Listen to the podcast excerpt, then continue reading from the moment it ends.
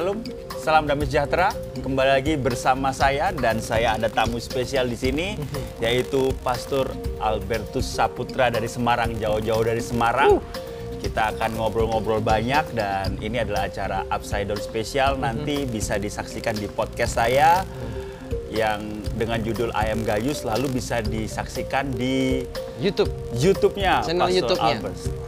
Namanya apa Pastor? Albertus Saputra juga. Keren. Jadi teman-teman semua, semoga pembicaraan ini dapat menjadi berkat untuk Yes. kita semua. Dan pada hari ini kita akan berbicara mengenai sesuatu topik yang sangat penting, yaitu teladan atau keteladanan. Hmm. Nah, tapi sebelumnya saya mau nanya sesuatu Yes. dengan Pastor Albert, yaitu akan ada sebuah kegerakan, akan ada Iya. sebuah acara tahun ini yang sangat Iya. luar biasa di Semarang, Iya. tapi skalanya udah nasional internasional, Wow, memberkati puji banyak Tuhan. orang, Iya. yaitu Unlimited Fire. Fire, Wah, Fire Unlimited. Fire. Temanya tahun ini apa, Pastor? Iya, Unlimited Fire tahun 2020 ini kita memakai tema temanya adalah power. Power. Iya. Ada filosofi atau apa di balik itu? Yes, jadi memang Unlimited Fire merupakan kegerakan eh, rohani interdenominasi dan tidak sekedar conference yang biasa karena eh, kita percaya bahwa ketika orang mengalami perjumpaan dengan Tuhan itu yang mengubahkan hidup seseorang. Setuju.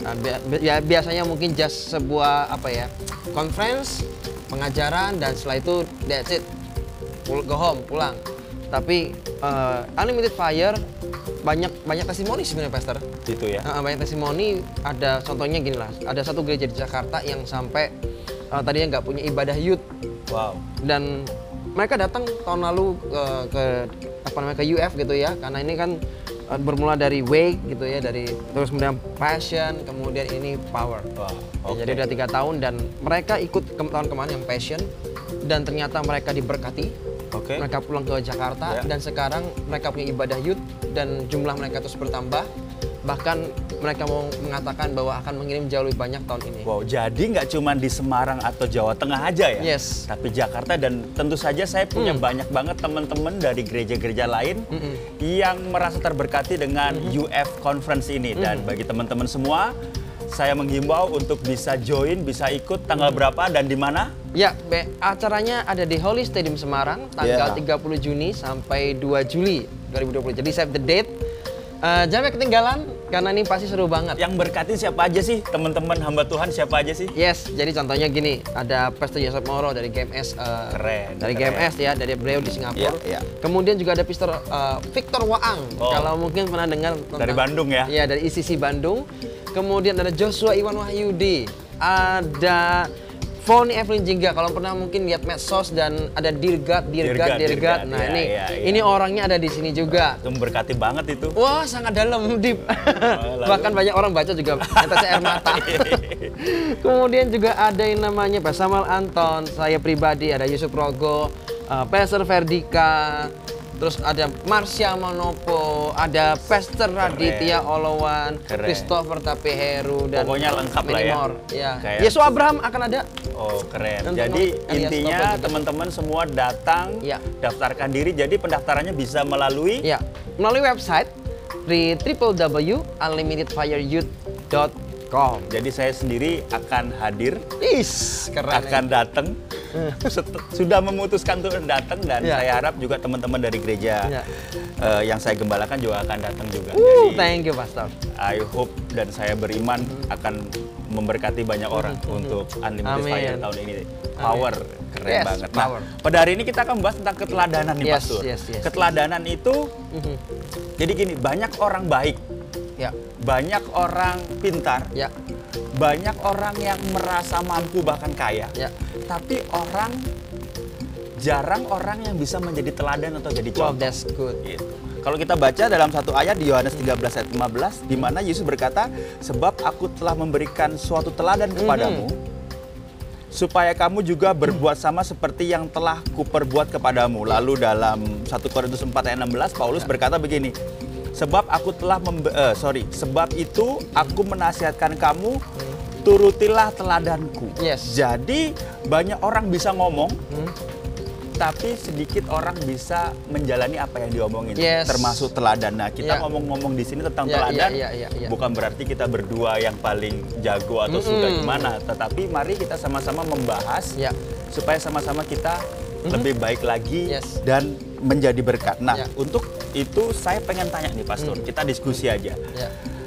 Sebenarnya apa sih tantangan sebagai pastor muda, hamba Tuhan muda pada akhir-akhir ini atau pada hari-hari ini sehingga mungkin kita perlu untuk menjadi teladan. Artinya bahwa eh, sebagai panggilannya atau seberapa urgentnya kita sebagai Ya, ya. yang muda-muda ini harus menjadi teladan untuk generasi kita. Wah, ini menurut saya tema yang baik ya, Ya. tema yang oke banget. Soalnya gini, generasi ini adalah generasi yang sedang mengalami yang krisis teladanan. Mereka Setuju. tidak, mereka bukan orang yang kurang pinter, mereka bukan kurang smart. Ya. Mereka sangat smart, mereka pinter, tapi by the way mereka satu yang kekurangan mereka adalah mereka kurang teladan dari orang di atasnya. Sosok ya. Sosok. Jadi eh, banyak orang tuh gini, dia, dia dia dia bisa ngomong sih, dia bisa ngomong, pinter ngomong, tapi by the way sebetulnya orang itu hidupnya bisa berubah kalau sebenarnya dicontohin dong. Contoh hidup yang benar tuh gimana sih? Ya. Gitu loh. Kalau saya bersyukur saya ini saya ini diperlihatkan oleh senior yang di atas saya gitu ya, termasuk eh, almarhum eh, senior pastor gitu ya, Petrus Agung Purnomo. Ya. Nah, beliau ini bagaimana mengajarkan untuk apa ya? Humble, rendah hati. Betul, betul, setuju. Kemudian juga saya juga belajar di Ketua Sinode JKI Pak Adi Sutanto. Adi Sutanto, iya, iya, Bagaimana iya. beliau ini sangat humble. Saya ingat satu kali eh, acara di Tegal, Heeh. saya waktu kan isi khotbah salah satu gereja JKI di situ. Dan ternyata beliau mendadak hadir waktu itu. Mm, mm, mm. Dan, sudah- dan saya sudah menawarkan sebagai orang yang lebih muda, "Ba- bagaimana kalau bapak saja yang bicara? Ah. Tapi Pak Adi luar biasa. Enggak, tetap kamu yang bicara. Saya hadir tapi sebagai jemaat. Dan iya pasti, tapi gemeteran dong depan depan ketua sinode. Depan senior, orang jauh berpengalaman. Jadi bayangkan itu perut mulus dan yang lain. itu luar biasa. Tapi satu hal yang menurut saya saya emes, saya kagum sama Iya, sama iya. beliau adalah ketika saya menyampaikan pesan Tuhan, ketika saya menyampaikan firman, beliau ambil kertas dari Catat. sakunya Wow. dan dicatat. Keren banget. Itu yang membuat saya Jarang sampai banget loh. Oh, jarang banget. Ini ketua sinode loh. Iya, iya, iya. Lah, itu yang buat saya seperti se- se- bagi saya gini. Ketika saya mencoba untuk menyombongkan diri atau merasa lebih daripada yang lain, saya Iya. ingat apa yang ketua sinode saya lakukan. Iya. Ya kan? Pak Adi Sutanto sudah ngasih udah ngasih apa ya itu Teladanan. keteladanan yang apa ya yang yang luar biasa kadang itu nggak perlu banyak ngomong gitu kan contoh gini eh hidup kita harus bersih gitu. jangan buang sampah sembarangan sebenarnya nggak usah ngomong buang sampah sembarangan asal kita lihat ada sampah sekeliling kita dan kita mencoba untuk ngambil nggak usah sibuk nih nyalain siapa oh ini siapa yang buang nggak perlu gitu Iya. ambil kemudian dia taruh di apa di tempat sampah maka semuanya akan ikuti kok Oke. itu kejadian di gereja waktu itu. Ada satu pastoral ngeliat ada sampah. Dia bisa aja cleaning service banyak. Mm-mm. "Ah, Tolong ambil dong, bisa sih gitu. Iya. Tapi dia lakukan nggak gitu. Wow. Dia ambil sampahnya. Di- Dia nggak tanya ini siapa. Dia buang. Dan dari dari hal-hal kecil seperti itu ya, iya, dan tidak ada atensi untuk wah supaya saya dilihat orang Mm-mm. atau apa. Jadi memang Iya. keteladanan itu lifestyle kita. lifestyle. Gitu. Jadi ketika orang lihat, ih pendetaku aja begini gitu loh. Iya, iya. Itu pada akhirnya otomatis jemaat niru. Hmm. It- Iya. Padahal nggak diomongin kan? Nggak diomongin. Jadi kalau dilihat dari tadi kita diskusi adalah pada saat jadi generasi sekarang ini perlu sosok teladan Setuju. yang mana harusnya kita-kita Mhm. istilahnya hamba-hamba Tuhan, hamba-hamba Tuhan muda yang mana bersentuhan langsung dengan Iya. anak-anak muda, tetapi kita sendiri buah dari keteladanan yang di Iya, atasnya. betul, betul banget. Gitu ya? Betul banget, Nah. betul banget. Selain apa hamba Tuhan yang luar biasa tadi ada Pak Petrus Agung sama Pak Adi Sutanto, ada siapa hamba Tuhan lain kah atau siapa yang bisa eh, Pastor Albert sendiri eh, bisa teladani, bisa look Hmm. up to gitu. Iya, kalau saya memang ada beberapa nama ya. Contoh Wakil Ketua Sinode juga sama Pak David Meyanto. Ya, beliau juga sering Surabaya juga. itu makanya wah Sifu gitu ya. Baik orang ini hatinya beliau ini hatinya besar. Iya, Bagaimana apa ya beliau selalu menginginkan bagaimana yang muda-muda ini bisa apa ya keluar semua potensi yang terbaik di saat saya tahu persis bahwa biasanya kan orang itu kan gini ya ketika mungkin levelnya di bawahnya is oke okay, gitu ya ketika tapi ketika dia naik dia mulai dianggap sebagai kompetitornya tapi ketika mulai di atas kalau perlu dibunuh aja potensinya kan Yeah, gitu kan yeah. saya bersyukur saya punya contoh yang berbeda I see. oh, beliau ini adalah orang yang sangat support kepada generasi muda yang di angkatan yang muda di bawahnya. Dia akan support gimana caranya semua potensi keluar jadi berkat buat orang banyak. Nah itu salah satunya gitu. Dan dia tidak apa ya? Dia selalu orang yang aman, seorang yang secure, Ya, secure. secure. Setuju. Banyak yang insecure, tapi Betul. ini orang ini orang secure.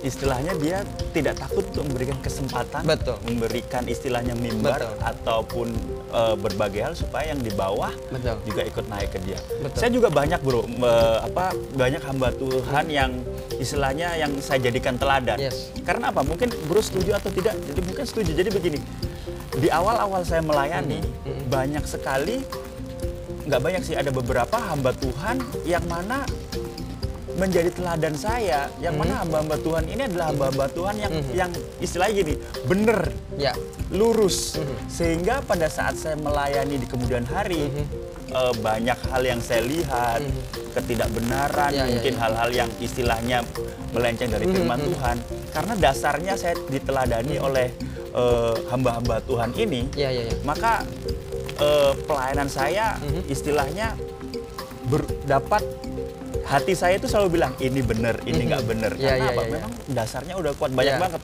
Kayak ada pastor saya yang di Amerika ada pastor Aldous Sihaan. Oh, Lalu ada pastor Daniel Alexander. ya, ya, ya. Siapa lagi? Keren.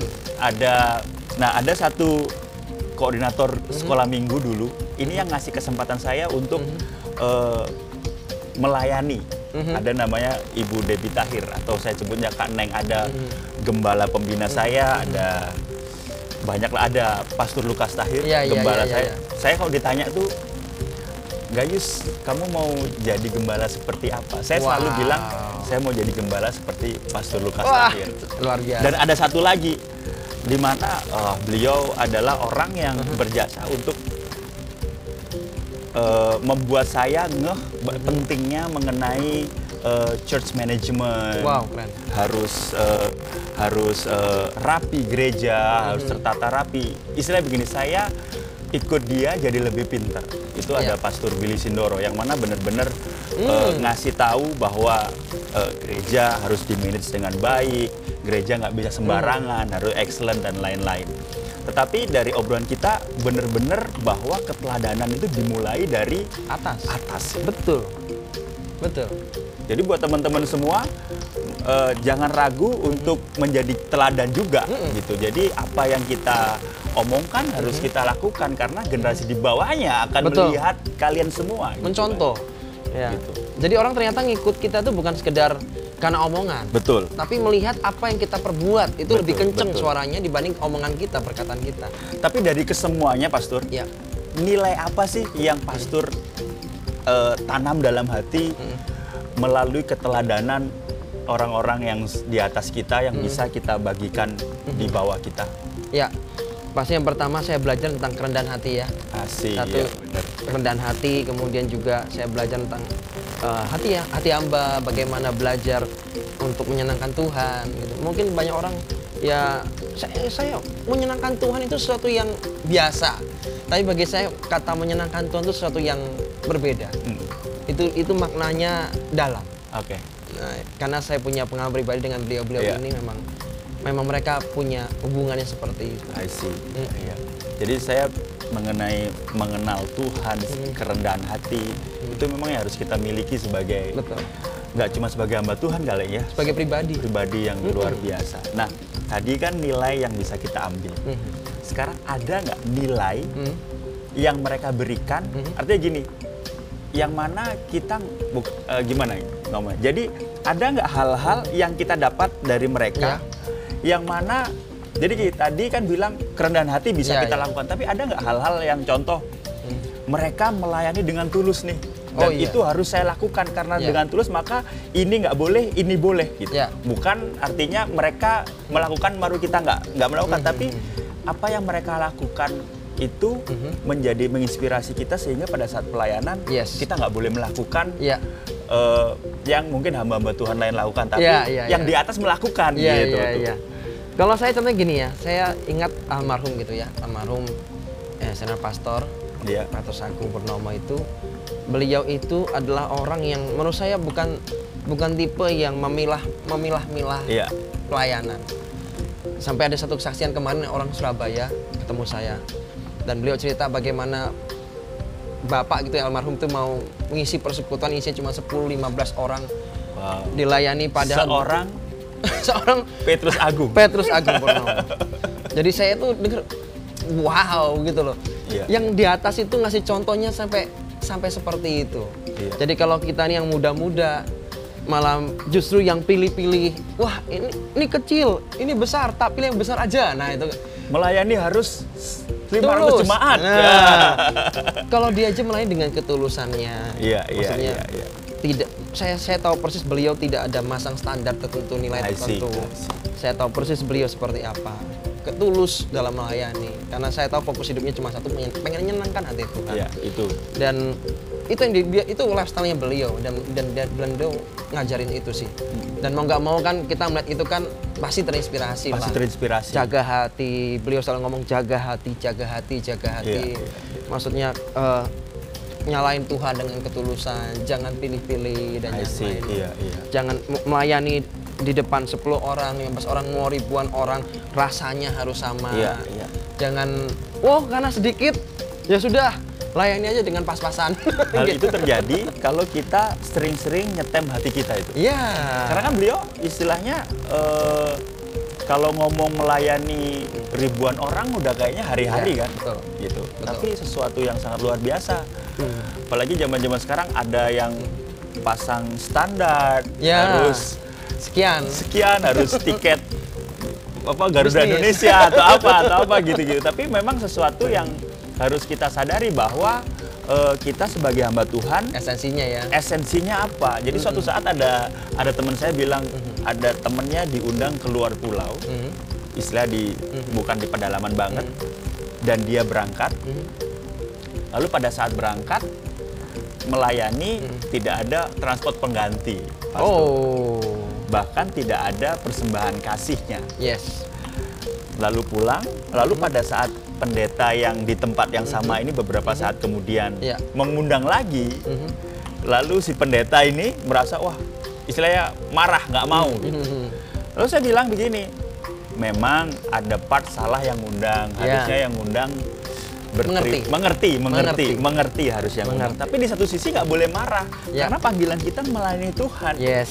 Upah kita bukan di dunia ini sebenarnya, Ya. tapi di surga. Iya, iya. Oleh sebab itu nggak boleh kita marah, harus tahu, harus harus Ya, tahu ya. bahwa core-nya itu seperti itu. Betul.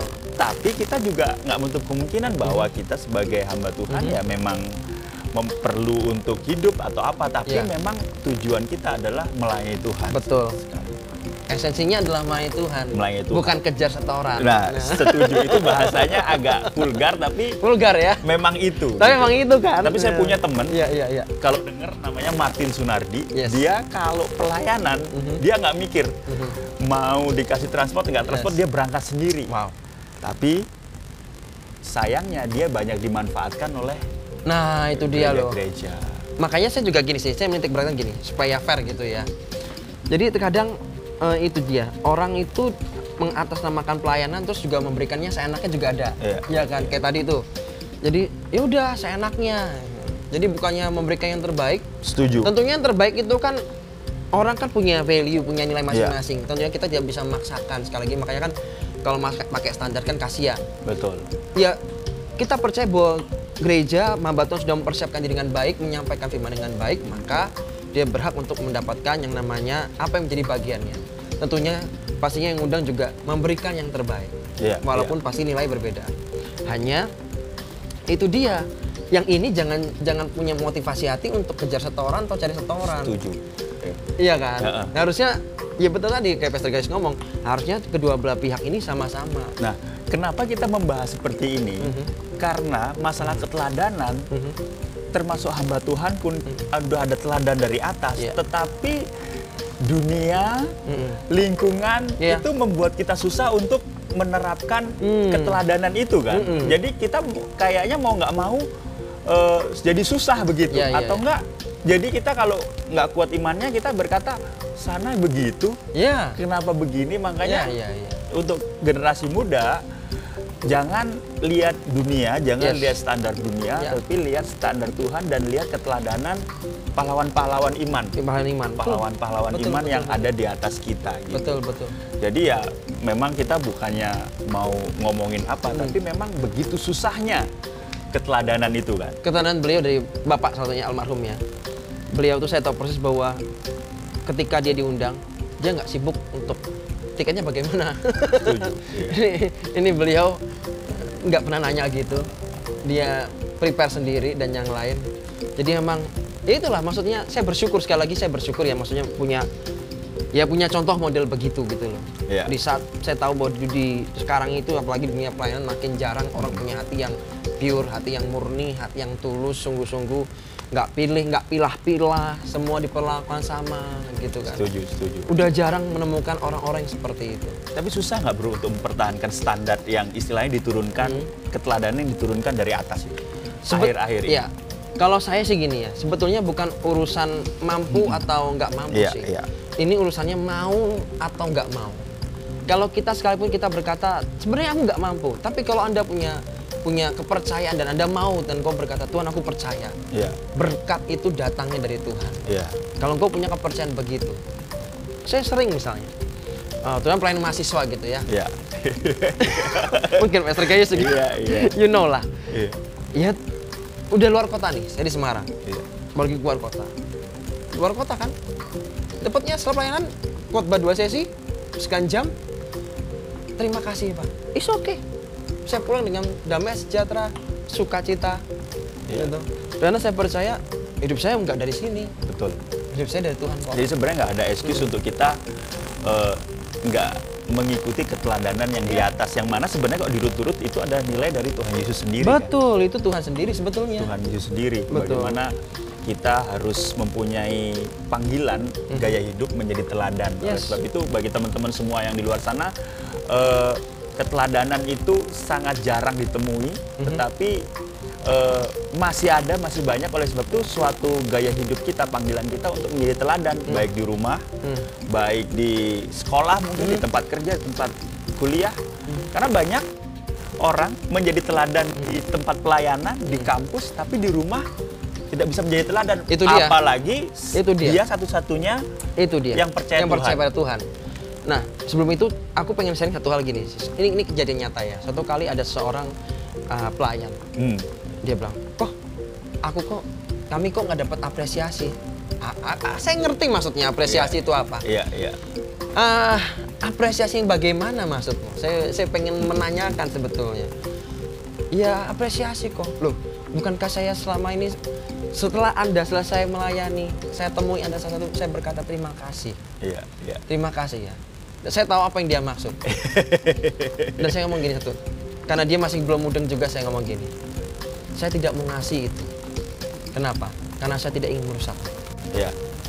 Kadang ketika engkau tidak mendapatkan seperti itu, kau bisa layani Tuhan dengan sungguh-sungguh satu persen kau bisa berikan hatimu buat Tuhan. Tapi begitu kamu terima yang namanya PK, ya persembahan kasih, terima amplop, tiba-tiba itu bisa geser hatimu dari harusnya ke sini ke Tuhan, malah gesernya ke sini. Fokusnya bukan lagi rindu, kerinduan untuk melayani Nah Tuhan. itu dia. Pada saat dan saya bergumul sama dia, karena saya tidak pengen merusak kamu di usiamu yang masih terlalu muda. Please percaya. Iya. uh, Jadi bukan saya pelit, ini bukan masalah pelitnya, ya kan? Bukan masalah pelitnya, tapi saya sedang jaga hidupmu. justru itu itu adalah suatu proses pemuritan juga ya. Iya, iya. Pada akhirnya mereka mulai mulai ngerti itu. gitu Iya, loh. iya, iya, iya. Apresiasi kan juga bentuknya kan bisa macam-macam. Bisa Setuju. nonton bioskop bareng atau apa itu kan Uh, uh, semuanya uh, bisa iya, sebetulnya. iya, iya. Ya itu dia. Jadi akhirnya dia ngerti sih bahwa apa value-nya nilainya tuh seperti ini yang benar. Terus misalnya tadi itu yang Pastor Guys ngomong, banyak orang juga sama. Pelayanan di luar jago banget, gile, you know, minder mungkin setan gitu ya. Tapi begitu di rumah, hidupnya nggak jadi contoh. Betul. Ya makanya bagi saya itu sederhana. Eh, Mother Teresa kayaknya ini omongan Mother Teresa.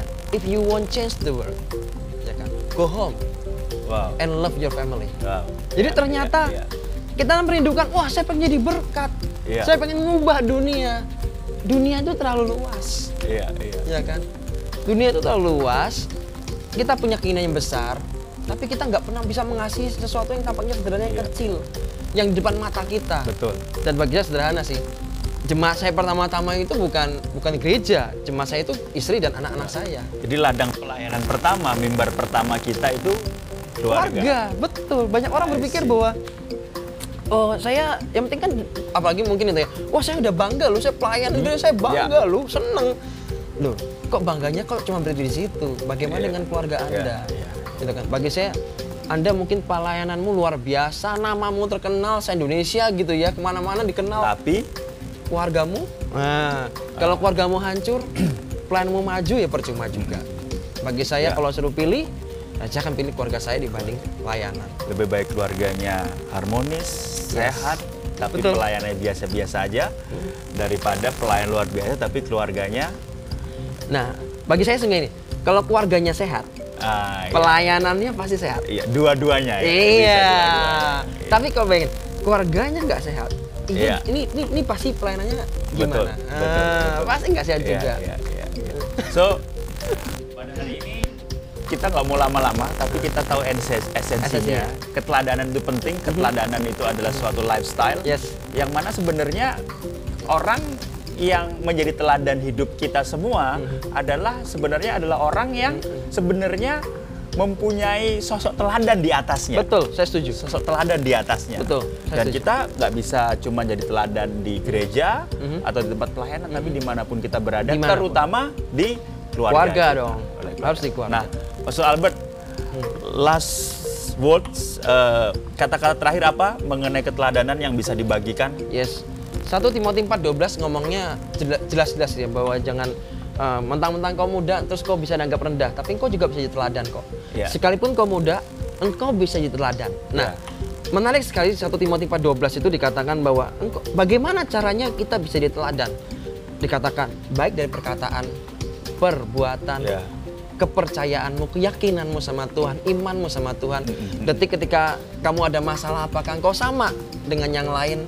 Engkau tetap berkata bahwa Tuhan itu baik buat aku. Semuanya diizinkan Tuhan akan mendatangkan kebaikan. Atau juga dikatakan kesucian, ya kan? Ah, Kekudusan. ya. Di zaman now ini makin jarang ngomong soal kekudusan. Standarnya Standarnya makin turun ke bawah.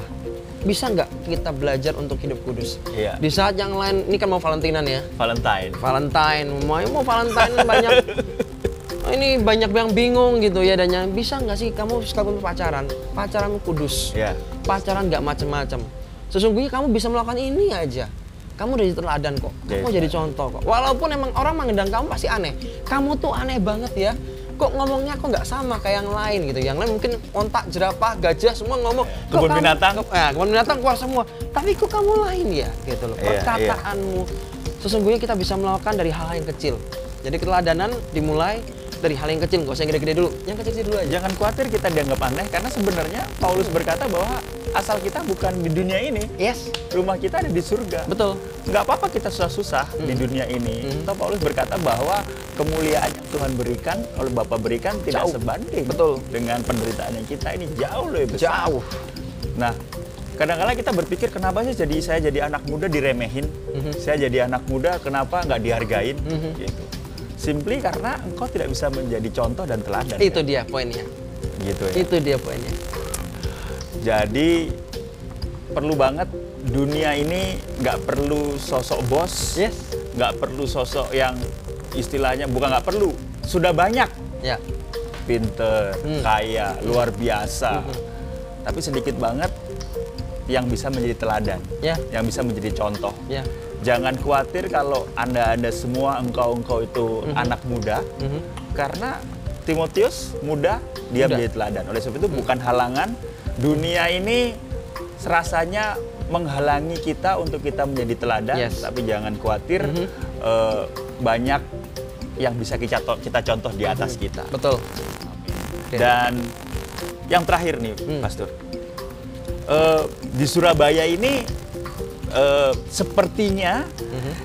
untuk kegerakan anak muda Mhm. dan saya sangat terinspirasi dengan yang terjadi di Semarang. Mhm. Kegerakan anak muda itu separate gitu. Oh, gereja A, gereja ya, B, ya. gereja C. Mhm. Dan eh, untuk bisa melahirkan sosok-sosok yang Ya. eh, menjadi teladan, maka kita perlu komunitas, kita perlu revival Mhm. Yes, bahkan yes, yes. untuk supaya Surabaya ini terberkati yang mana ada suatu gerakan Mhm. yang membuat kita semua aware bahwa kita anak-anak Tuhan Ya. bisa jadi contoh dan Ya, teladan. ya, ya. Eh, dan saya merasa bahwa Mhm. Surabaya adalah kalau kalau seorang wanita, seorang ibu ini sudah mengandung, Mhm. Ya, tapi melahirkannya belum. ya. Susah banget tuh melahirkan. Ya, ya. Nah, mungkin ada nggak saran-saran dari Ya. Pastor Albert Mhm. yang mana eh, mungkin eh, bisa kasih masukan, Mhm. bisa kasih encouragement pada kita, bagaimana apa yang terjadi di Semarang, Ya, ya, ya. bis hati dan apinya Mhm. bisa terjadi di Surabaya. Jadi Ya. kita tidak seperti wanita yang sedang mengandung Ya. besar, Ya. tetapi kita kepengen juga menjadi wanita yang melahirkan dan Yes. melahirkan Ya, seorang suatu- anak, suatu generasi yang bisa jadi teladan. Yes. Kalau saya percaya gini sih, semua kegerakan, semua revival itu dimulai dari doa. Ya. Jadi nggak ada kegerakan tanpa adanya doa tuh omong kosong. Revival start from the quiet place. Yes, selalu begitu. Di tempat yang tersembunyi itu menentukan begitu banyak hal. Iya. Makanya kegerakan rohani selalu muncul dari namanya doa. Nah, ketika Anda berdoa, mulailah berdoa sama Tuhan, minta Tuhan temukan aku dengan orang-orang yang satu frekuensi. Dengan yang punya nilai yang sama, yang punya kerinduan yang sama, visi yang sama. Karena kalau nggak visinya sama, tujuannya sama, itu pasti repot. Betul. Iya kan? Jadi kita harus keliling, dikelilingi sama orang-orang yang punya value yang sama. Ini frekuensi hati, Betul. pikiran Api yang sama. Api yang sama. Maksudnya supaya sama-sama dobraknya tuh Spirit, bersama-sama ya, spiritnya setuju. sama. Bukan siapa yang nanti maju, siapa yang nah itu harus ditinggalkan dulu. Karena kebanyakan orang mohon maaf banyak orang lagi cari panggung. Ah, iya. Iya kan? Jadi emang harus disingkirkan dulu itunya. Siapa pun yang maju nggak masalah. Kita mau rendahkan hati dari nol. Siapa pun yang maju kita support. Karena kan kegerakan interdenominasi. betul. Perlu ada yang ngalah. Perlu egonya disingkirkan supaya memang betul tuh sampai tadi kayak Pastor Gus bilang sampai wanitanya yang hamil itu sampai keluar anak itu kan nggak gampang. Iya. Itu sakit. Iya. Perlu ada orang yang menderita begitu Betul. supaya uh, kelahiran gerakan baru itu akan muncul. Amin. Amin. Mm-mm. Jadi eh, perlu doa, perlu eh, bukan tiba-tiba langsung rame, tetapi Nggak perlu mungkin. ada kesatuan hati. Betul. Yang yang susah ini adalah bagaimana Mhm. menyamakan agenda. Ya, Agendanya harus sama, tujuannya Oh, iya. harus sama, titiknya harus sama. betul. No eh, agenda tersembunyi atau Yes. hidden agenda. Iya. gitu. Ya. Oke, eh, sangat memberkati banget Pak Ya, Sur. mudah-mudahan. Semoga ini bukan alfa dan omega yang Oh, awal dan no, no, yang no. akhir. Kita kita akan banyak ngobrol-ngobrol Yes. lagi dan semoga menjadi berkat untuk kita Ya. semua. Thank you so much Pastor Albert yang Yes. udah jauh-jauh datang dari Semarang. Yes. So, semoga ini bisa menjadi berkat. Mhm. Cek nanti di podcast saya di Ayam Gayus dan juga di YouTube-nya. Pastor Albert. Ya, YouTube channel saya di Albertus Saputra. Ya, oke. Ya. Sampai jumpa lagi. Tuhan Yesus memberkati. Memberkati.